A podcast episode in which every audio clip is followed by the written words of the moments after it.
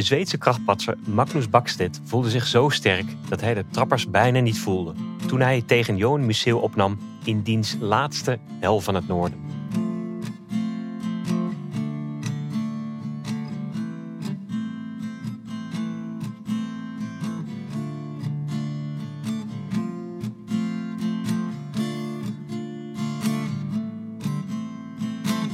Welkom bij een nieuwe aflevering van Chronieken, een podcast met historische wielerverhalen van Eurosport.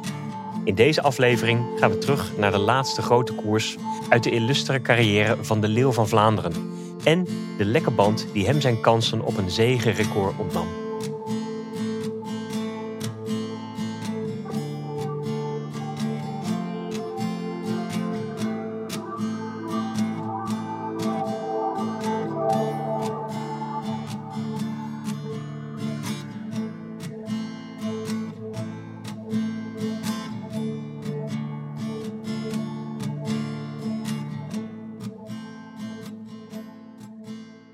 Toen Matt Hemen in 2016 Tom Bonens droomscenario verscheurde en de Belg afhield van een recordbrekende vijfde Parijs-Roubaix-overwinning, heerste het gevoel dat de ervaren Australiër niet alleen een geweldige prestatie had geleverd, maar ook de loop van de wielenhistorie had veranderd. Twaalf jaar eerder, voordat Bonen zijn eerste kasseisteen in de lucht mocht steken, stond een andere Belg op het punt geschiedenis te schrijven. Johan Museeuw, wiens carrière bijna voortijdig eindigde toen hij in 1998 zijn knieschijf had gebroken in het bos van Valère. Hoopte in zijn laatste grote koers op gelijke hoogte te komen met zijn landgenoot Roger de Vlaming, die vier keer Parijs-Roubaix had gewonnen. Museeuw was slechts 7 kilometer verwijderd van de finish en zat in de beslissende ontsnapping toen zijn kansen in rook opgingen en de Zweedse outsider Magnus Bakstedt plotseling de te kloppen man werd. Bakstedt maakte op het velodroom vervolgens die status volledig waar op een dag dat hij de trappers niet leek te voelen. Het winnen van de koningin der klassiekers was zeker niet de enige overwinning in Bakstedts lange carrière, maar het was ongetwijfeld zijn grootste triomf. Als lead-out had hij de Australische sprinter Stuart O'Grady aan vele zegens geholpen en zelf won hij al het Zweedse nationaal kampioenschap tijdrijden, Le Samijn en een etappe in de Tour de France. Toen in 2004 alles voor de Scandinavië op zijn plek viel. En hij in Roubaix als eerste over de streep kwam, voor Tristan Hofman, Roger Hammond en een jonge Zwitser, genaamd Fabian Cancellara. Niemand, behalve misschien hij zelf en zijn team Alessio Bianchi, zag deze overwinning aankomen. Zeker niet toen alles leek te wijzen op een naderende vierde overwinning van Museeuw, die daarmee een passend slot aan zijn geweldige carrière kon breien in deze 102e editie van de Noord-Franse koers. In het zog van de zweet liep de leeuw op de laatste kasseienstrook echter een lekke band op, waarmee het sprookjeseinde in rook opging. Baksteds vertrouwen en ijver betaalden zich vervolgens uit. Het is een onderwerp waarover Baksted, die tegenwoordig in Wales woont, urenlang kan praten. Dat geldt in beduidend mindere mate voor de man die de kans werd ontnomen om in die finale mee te strijden, nadat het lot hem duidelijk niet gunstig gezind was die dag. Het was het laatste monument dat ik reed, mijn laatste koers, en op het einde kreeg ik pech, legt Museeuw uit. Het zat misschien niet mee, maar hoe dan ook reed ik een geweldige Roubaix. Ik zat in de beslissende vlucht met geweldige renners, absolute toppers en jonge talenten. Ik had kans om hem te winnen, maar de lekke band besliste anders.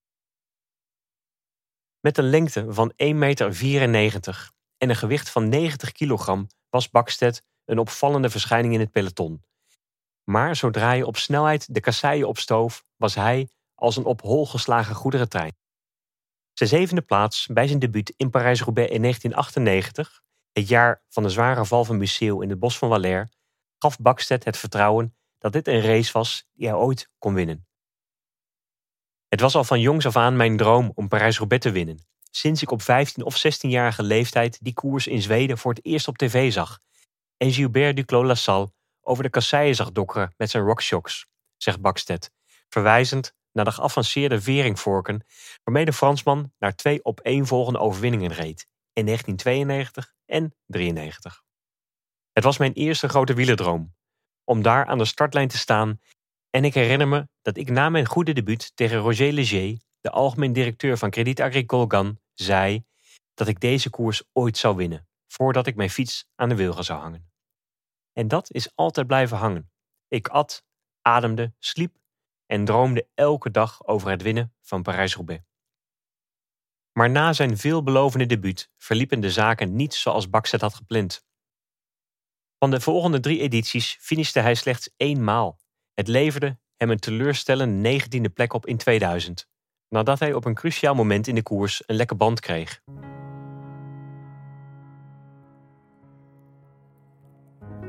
Credit Agricole besloot het contract van de vaak ziek, zwak of misselijke Zweed niet te verlengen, waardoor de destijds pas 27-jarige renner een stap terug moest doen. Waardoor de destijds 27-jarige renner een stap terug moest doen naar de lagere regionen van het profuurrennen. Bij Facta, het Deense pro-continentale team waar Kim Andersen ploegleider was, beleefde Bakstedt twee van de mooiste seizoenen uit zijn wielercarrière. Het enige minpuntje aan zijn tijd daar was dat die ploeg niet werd uitgenodigd voor de koers waarvan hij nog steeds droomde om hem ooit te winnen. Die twee tweede zondagen van april wilde ik niet naar Parijs-Roubaix kijken, want ik wilde daar gewoon te graag aan de start staan. Maar het maakte me des te gretiger toen ik eindelijk de kans had om terug te keren.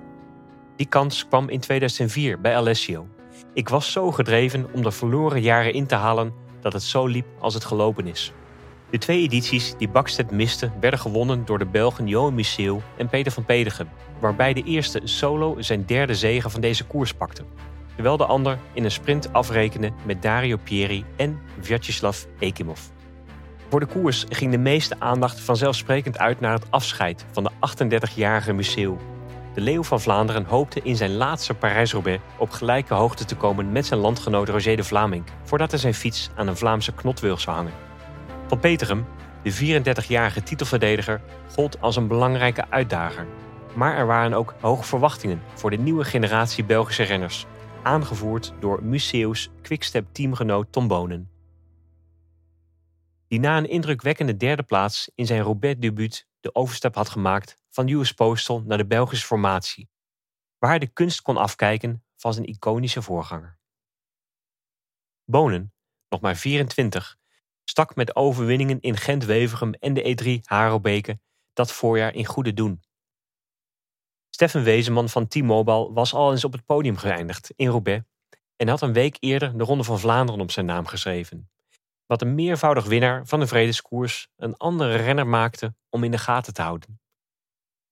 Hoewel hij tweede was geworden achter Bonen in Gent-Wevergem, stond Bakstedt als relatieve outsider aan de start van zijn droomkoers. Outsider ik stond niet eens op de lijstjes, herinnert hij. Ik reed het hele voorjaar goed, een paar heel sterke ritten in de Tirreno en ik was altijd vroeg in vorm. Ziekte sloeg Bakstedt echter wat terug en er waren zelfs mensen die dachten dat dat het einde van zijn voorjaar betekende. In werkelijkheid gaf het me misschien wel een beetje extra rust, dat ik nodig had voor de drukke periode die volgde, zegt de Zweed. Rolf Seurissen, zijn manager bij Alessio Bianchi, was een van de mensen die lage verwachtingen had voor zijn pupil die 11 april. Hij kwam op de ochtend van de koers naar me toe en vroeg: Op wie gokken we vandaag? vertelt Bakstedt met zichtbaar plezier. En ik zei: Mezelf. Voor winst? vroeg hij, waarop ik antwoordde: Absoluut. De twee dagen daarvoor had ik me zo ontzettend sterk gevoeld op de kasseien. Terwijl de grote Zweed, op dat moment 29 jaar, dus vertrouwen had in zijn eigen benen, wist hij dat zijn Alessio-team ook nog eens beschikte over het formidabele Italiaanse duo Andrea Taffi en Fabio Baldato. Taffi had al drie monumenten gewonnen in zijn carrière, waaronder Parijs-Roubaix in 1999.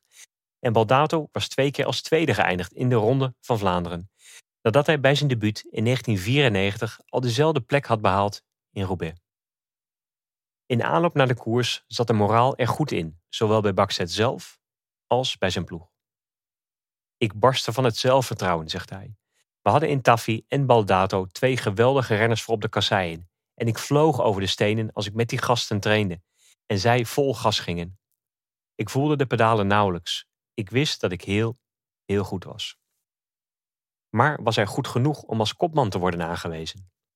Aanvankelijk had hij het gevoel dat de voorkeur van de ploeg uitging naar de twee ervaren Italianen en hij een vrije rol zou krijgen als een soort ontregelaar.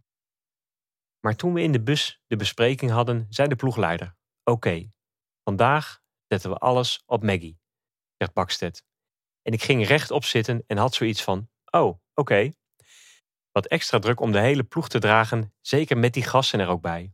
Maar tegelijkertijd duwde me dat nog net dat kleine beetje in de goede richting om echt te willen bewijzen dat ze de juiste keuze met mij hadden gemaakt.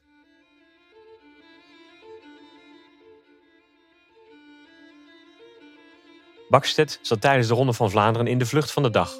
En terwijl hij zich testte op een parcours waarvan hij zelf wist dat het te lastig was voor iemand van zijn postuur, voelde hij zich de hele dag geweldig. Midweeks eindigde hij dan ook nog eens als tweede in Gent-Wevergem. Het kwam aan op een sprint van een uitgedund groepje en ik begon er heel vroeg aan, want ik moest van achter komen. Uiteindelijk legde ik het alleen af tegen Bonen. Als mannen als Jaan Kirsipoor er niet in slagen uit je wiel te komen, dan geeft dat een heel pak vertrouwen. Met beide koersen kon ik de hokjes afvinken.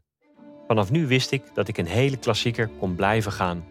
Alles viel op zijn plaats en dat gaf me het vertrouwen dat ik in Roubaix een van de mannen was om rekening mee te houden. 166 coureurs vertrokken uit Compiègne voor de 261 kilometer richting Roubaix. Met daarin 51 kilometer aan kasseien verdeeld over 26 stroken. Het was een koude en droge zondag. De wind die genadeloos op het peloton inbeukte, zorgde ervoor dat er al renners moesten lossen op de 100 vlakke kilometers richting de eerste kasseienstrook in Troisville. Na een paar valse starts vormde zich een kopgroep van vijf man. Het vijftal nam een voorsprong van vijf minuten, maar had geen schijn van kans tegen een door een supersterk quickstep aangevoerd peloton. Er werd al voor het bos van Valère weer opgevist. Een veldje aan de lucht dus. Dat ging er in ieder geval door Baksteds hoofd. Nadat de zweet, op een paar hartverzakkingen na, Averij wist te ontlopen, dankzij zijn beschermengel, Andrea Taffi. Andrea reed naast me, waakte zowat over me en fluisterde me steeds in wat ik moest doen en wat niet. Maak je geen zorgen, ik zal je waarschuwen. En die hele riedel, zegt Bakste daarover. We namen de eerste sector, maar raakten wat achterop. Hij stelde me gerust en verzekerde we. Hij stelde me gerust en verzekerde me dat we op de weg weer terug zouden komen. Hopelijk zouden we sterk genoeg zijn om op te schuiven wanneer het moest. Zo ging het tot in het bos. Tot we helaas Andrea verloren door een val. Met het bos van Valère in zicht lieten de ploegen van Quickstep en Lotto Domo aan kop van het peloton hun spierballen rollen in dienst van de twee Belgische favorieten. Toch slaagde de slungelige Duitser Rolf Aaldag erin om met een voorsprong het bos in te rijden. Met Lotto in de persoon van Leon van Bon in de achtervolging. In zijn wiel volgden George Hinkepie en Van Petegem, de kopman van de Nederlander.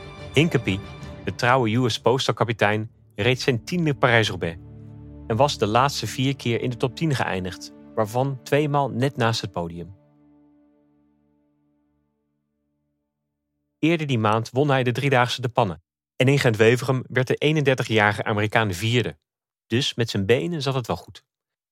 Het verlies van Taffy was een tegenvaller voor Bakstedt, maar zeker geen fatale.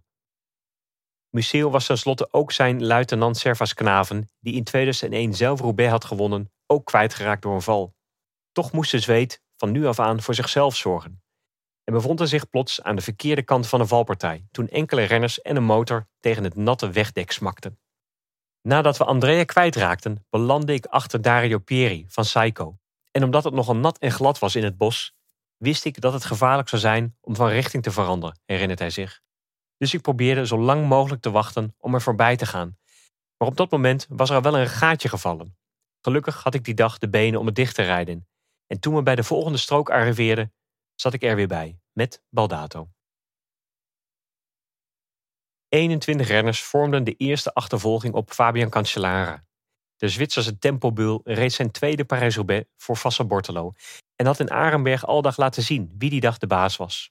18 seconden en vele renners later passeerde een lang figuur in een bontgekleurd tenue in het wiel van een quickstep-renner, Tom Bonen en de grote Magnus Bakstedt.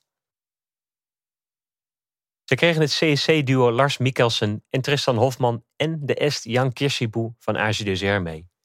Lijf Hoste, een week eerder tweede achterwezenman in Vlaanderen, zat er ook bij. Terwijl Bonen in Stefano Zanini en de legendarische Museeuw twee quickstep ploegenoten mee had. Bakstedt moest misschien Taffy missen, maar kon nog steeds rekenen op de steun van een geweldige Badato. En voelde zich bovendien zelf ook ijzersterk. Fabio kwam terug en vroeg me hoe het met me ging, herinnert hij. Op dat moment had ik de pedalen nog nauwelijks gevoeld. Een tikje arrogant, zei ik. Kan je even kijken, want volgens mij heeft de mechanicien geen ketting op mijn fiets gelegd. Zo goed voelde ik me gewoon. Hij zei, let jij op Museeuw, Van Peterum en Wezenman. De drie topfavorieten. Dan hou ik een oog op de rest.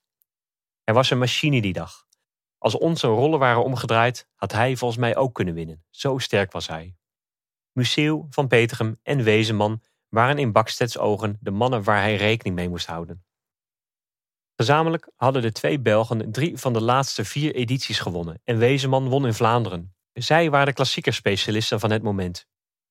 Ik wist dat als één van de drie aanging, ik mee moest en anders konden mijn kansen wel eens verkeken zijn. Als je de beelden terugkijkt, zie ik ook dat Museeuw een paar keer versnelde en ik steeds de eerste was in zijn wiel. Zodra ik merkte dat ik Museeuw kon volgen zonder dat ik daaraan doodging, wist ik dat ik een heel, heel goede dag had. Na een korte stilte na de storm in het bos deed Gent-Wevergem-winnaar Tom Bonen een poging om de midweekse dominantie van Quickstep een vervolg te geven, met versnellingen op sectie 12 en 13. Museeuws jonge teamgenoot kreeg Van Bon mee in zijn slipstream, met Bakstedt in het derde wiel. Na bonus escapades was het de beurt aan de Est Kirsipu, die op het grote mes wegglipte bij de rest in de ravitailleringszone. Het was aan Bonen en diens voormalige US Postal teamgenoot Hinkepie om de achtervolging te leiden op de kasseistrook van Orchy, terwijl boven hen de grijze donderwolken zich samenpakten. Bij het verlaten van de volgende sector, bij Orchy-Herbercé, besloot Museeuw, die makkelijk te herkennen was aan zijn gele helm, dat het moment was aangebroken om de benen eens te testen. De drievoudige winnaar zwiepte het tempo omhoog en sloeg een klein gaatje met het Scandinavische tandem van Bakstedt en de Noor Hushoft. Museeuws aanval zal nooit voldoende zijn geweest voor de overwinning, maar Kissipoe ging hem er wel door verliezen. Zodra de est binnengehengeld was, richtte Museeuw zich op en liet hij de andere favorieten weer aansluiten. De leeuw had luid en duidelijk gemaakt wie de keizer van de kasseien-jungle was. Bakstedt was verre van onder de indruk en deelde op zijn beurt een speldenprikje uit, die direct werd gecounterd door Van Bon. Terugkijkend op dit drukke moment in de koers, geeft Bakstedt toe dat het een enorme stimulans was om Museeuws voorbeeld te kunnen volgen. Die aanval was voor mij het beslissende moment van de koers, zegt hij. Toen wist ik dat als hij hem op dat moment niet kon lossen en hij ook nog eens kon profiteren van de motor die vlak voor hem reed, ik een kans had om die dag te winnen. Na de laatste aanval van Van Bon en de Deen Frank Hoy op Mons en Pével kreeg Museeuw een tik te verwerken toen zijn Quickstep-teamgenoot Zanini achteraan de groep op de keien kwakte. Van Bon was al twee keer in de top 10 geëindigd in het velodroom en een week eerder was hij in Vlaanderen nog vierde, drie plekjes voor Hoy van CSC. Het was dus wel degelijk een duo om rekening mee te houden voor het dertigtal renners dat 15 seconden achter ze reed. De twee waren vogels voor de kat en hun voorsprong bleef altijd onder de halve minuut. Quickstep nam het heft in handen en reed het gat dicht voor de in tweeën gesplitste vijfde sector op minder dan 30 kilometer voor de finish. Toen de Fransman Christophe Mangin het stukje asfalt gebruikte om er vandoor te gaan, kon Bakstedt rekenen op Baldato om te reageren op de uitval, waardoor een leidend vijftal ontstond met Bonen, de Spanjaard Juan Antonio Fletcher en Leif Hoste. De voor Lotto Domo rijdende Hoste kon het op dat moment nog niet weten, maar toen hij nipt door Wezenman geklopt werd voor de zege in Vlaanderen een week eerder, zou dat de eerste van een aantal tweede plaatsen in de Vlaamse hoogmis vormen. In de volgende drie jaar zou hij namelijk nog twee keer als tweede eindigen. Behalve Sean Kelly is er nog nooit iemand driemaal tweede geworden zonder ooit de ronde te winnen. Ook vandaag zat het de Belg niet mee. Toen hij het tempo van de vijfkoppige ontsnapping aangaf op de vijfde sector bij Quisson, werd hem plots het zicht ontnomen door een losgeslagen Vlaamse vlag.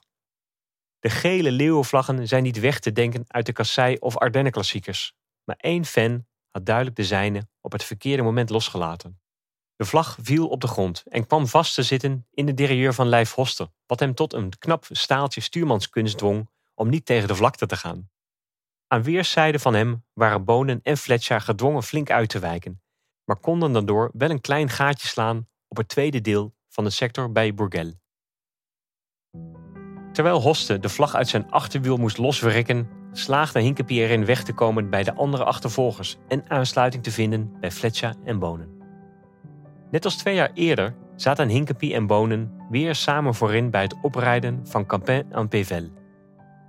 Destijds reden ze nog voor dezelfde ploeg en maakte de Amerikaan zijn bekende tuimelperte de berm in, waarna de Belg een plek op het podium veroverde.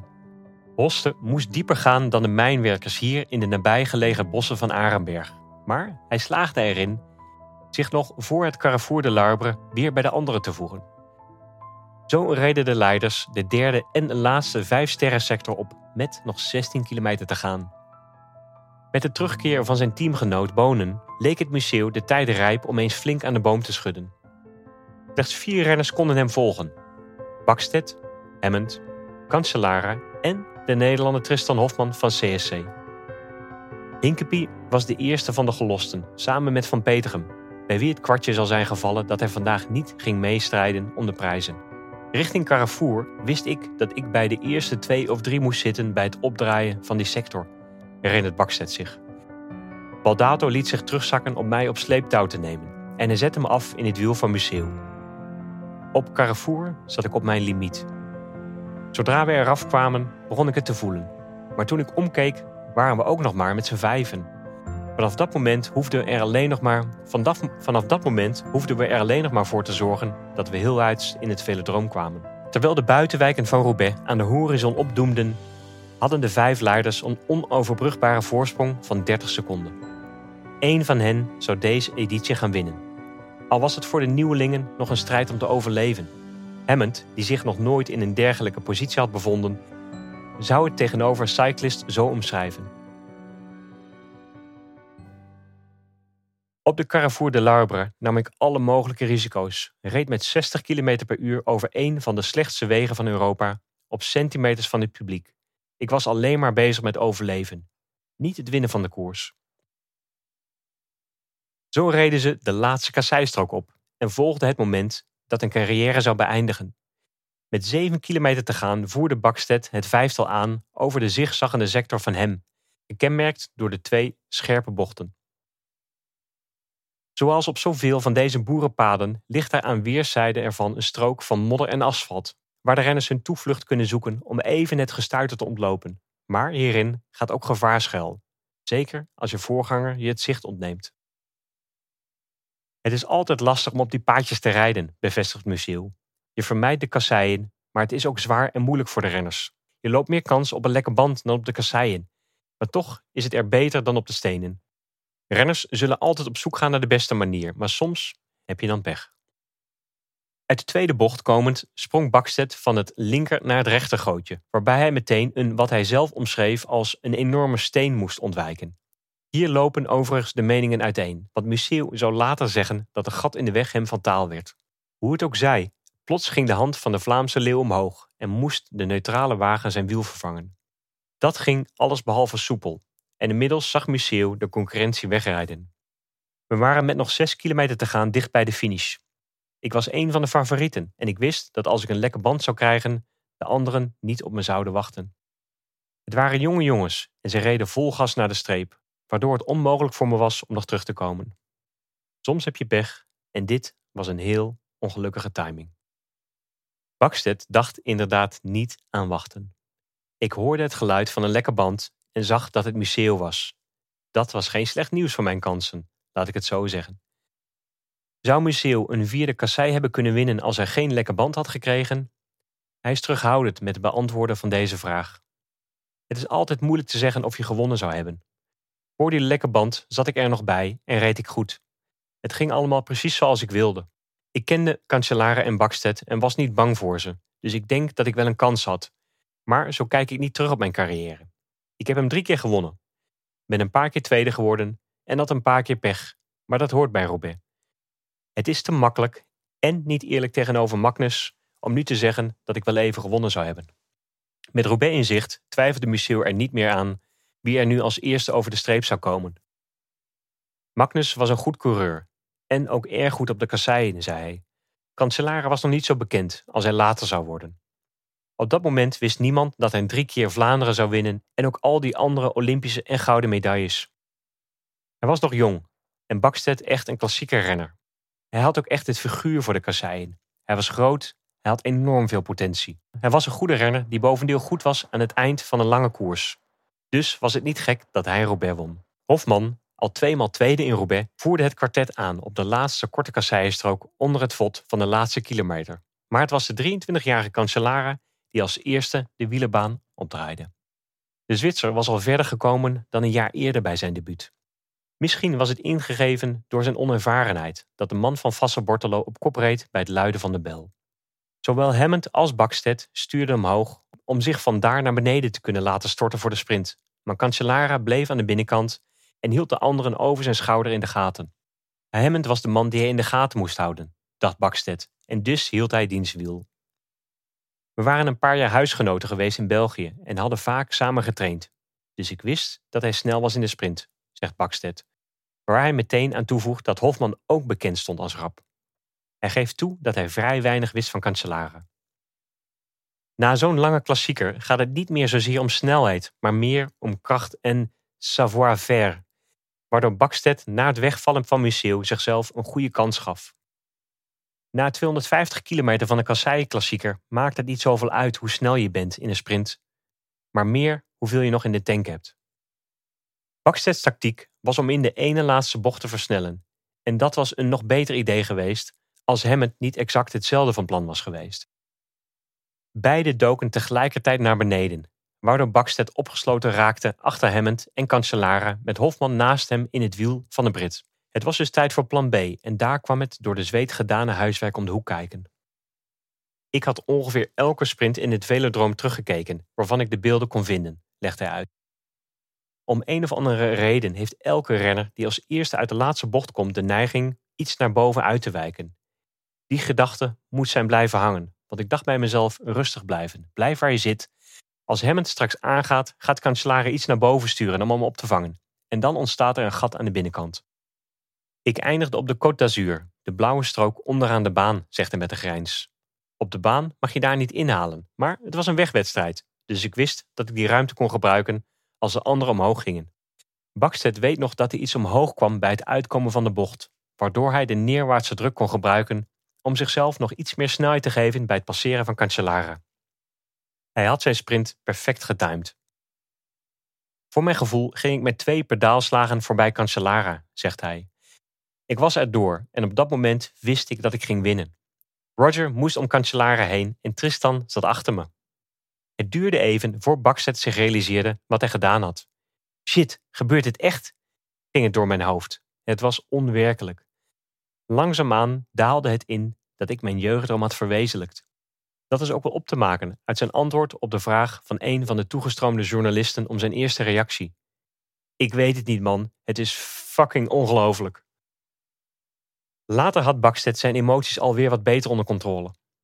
Het is al mijn hele leven mijn droom om deze koers te winnen. En ik kan nauwelijks bevatten dat het me gelukt is. Alles verliep vandaag zo perfect voor me. Geen lekke banden, geen valpartijen. Het team heeft geweldig gewerkt voor me. In zijn 50ste monument en de 15e editie van Parijs-Roubaix kwam Museeuw hand in hand met zijn landgenoot Peter van Petegem over de streep. Op 17 seconden van de koplopers eindigde hij onder luid applaus als vijfde. Voor het eerst sinds 1994 stond er geen enkele Belg op het podium in Roubaix.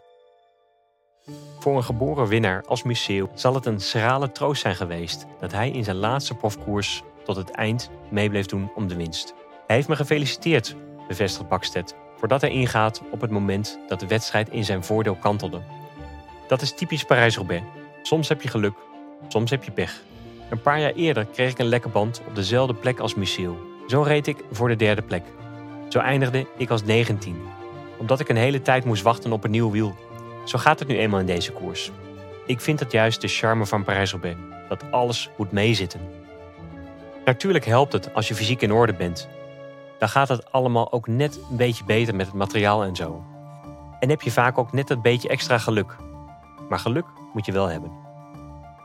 Een jaar later zat het de zweet minder mee. Vier dagen voor hij zijn titel in Roubaix kon verdedigen, brak hij zijn pols in Gent-Wevelgem. Tot zaterdag kon ik alleen maar op de hometrainer fietsen. Die dag stuurde het team me de weg op om te kijken of ik tenminste op asfalt kon rijden. Zolang de ploegwagen achter ons reed, hield ik beide handen van het stuur. Maar zodra die weg was, reed ik met één hand verder. Verre van ideaal, laat ik het zo zeggen. Zonder twijfel was het een van de meest pijnlijke koersen uit mijn carrière. Alsnog werd Bakstedt knap vierde op een minuut van het trio George Hinkepie, Juan Antonio Fletcher en de winnende Tom Bonen. Die die dag zijn eerste overwinning in Parijs-Roubaix boekte. Fabian Cancellara eindigde weer in de top 10 en zou het seizoen erop Bonen verslaan.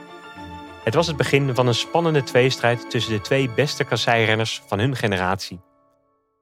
Uiteindelijk zou de Zwitser drie edities op zijn naam schrijven, terwijl de Belg zelfs nog één keer vaker won, waarmee hij met recht de troonopvolger van Museo genoemd mag worden.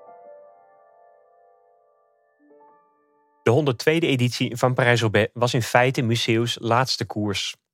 Hij reed enkele dagen later nog wel de Scheldeprijs, maar dat was eigenlijk meer een veredelde ereronde, waarin het Vlaamse publiek afscheid nam van de renner Museeuw. Met een overwinning in 2004 zou hij op gelijke hoogte zijn gekomen met Roger de Vlaming en later Tom Bonen. Maar het had niet zo mogen zijn. Had ik er vier gewonnen, dan kon ik nu zeggen dat ik van hetzelfde niveau was als Bonen en de Vlaming. Maar het is al lastig zat om één Parijs-Roubaix te winnen, laat staan zelfs twee of drie. De Leeuw van Vlaanderen ziet wat dat betreft parallellen tussen zijn laatste koers en die van Bonen in 2016, toen die zichzelf tot de meest succesvolle renner in Parijs-Roubaix kon kronen, met een vijfde zege. Maar dat droomscenario in rook zag opgaan door Matt Hemen. Iedereen dacht dat Tom zou winnen en het was een enorme teleurstelling, zegt Museo als een ware Belg. Maar Tom had niet zozeer pech. Er kwam een jongen tegen die eigenlijk minder snel was, maar een geweldige dag had. Het is altijd lastig om het na zo'n lange koers uit te vechten in het velodroom. Je weet nooit van tevoren wie gaat winnen. Normaal gesproken de snelste, maar niet altijd. En die dag was Hemen de slimste en de snelste. Dat is koers.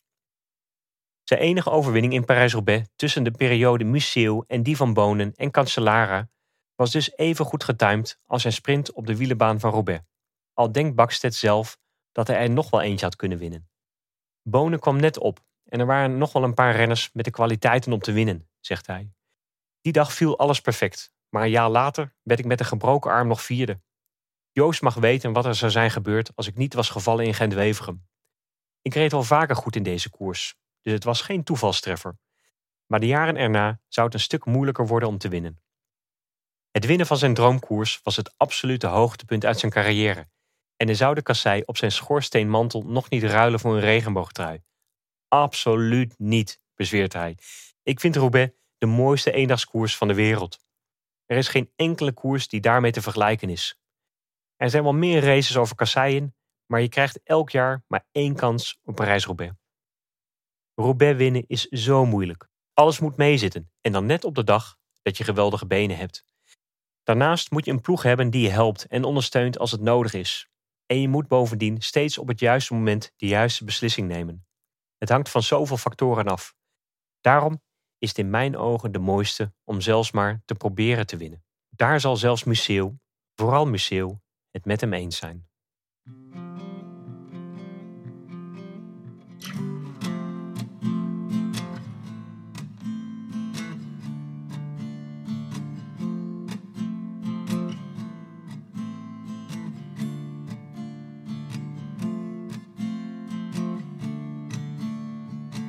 Chronieken is een podcast van Eurosport, geschreven door Felix Low en verteld door mij, Karsten Kroon. Bewerking en eindredactie zijn van Sander Grasman en productie door Fabian Collau. Meer stukjes wielenhistorie door Felix zijn te vinden op Twitter via @saddleblaze. Als je mij wilt volgen, kan dat via @karstenkroon op Twitter. Eurosport volg je via @eurosport_nl. Bovendien vind je ons op Instagram en Facebook alle afleveringen van Chronieken zijn ook te lezen als artikel op eurosport.nl. Dit was de vijfde aflevering van het derde seizoen. Dus als je hebt genoten van deze etappe uit de wielergeschiedenis, meld je dan aan, vertel het door en beoordeel ons bij jouw podcastaanbieder. Tot de volgende keer, als we onze blik richten op Edwig van Hooijdonk en hoe het voor hem allemaal begon en eindigde op de Alsenberg.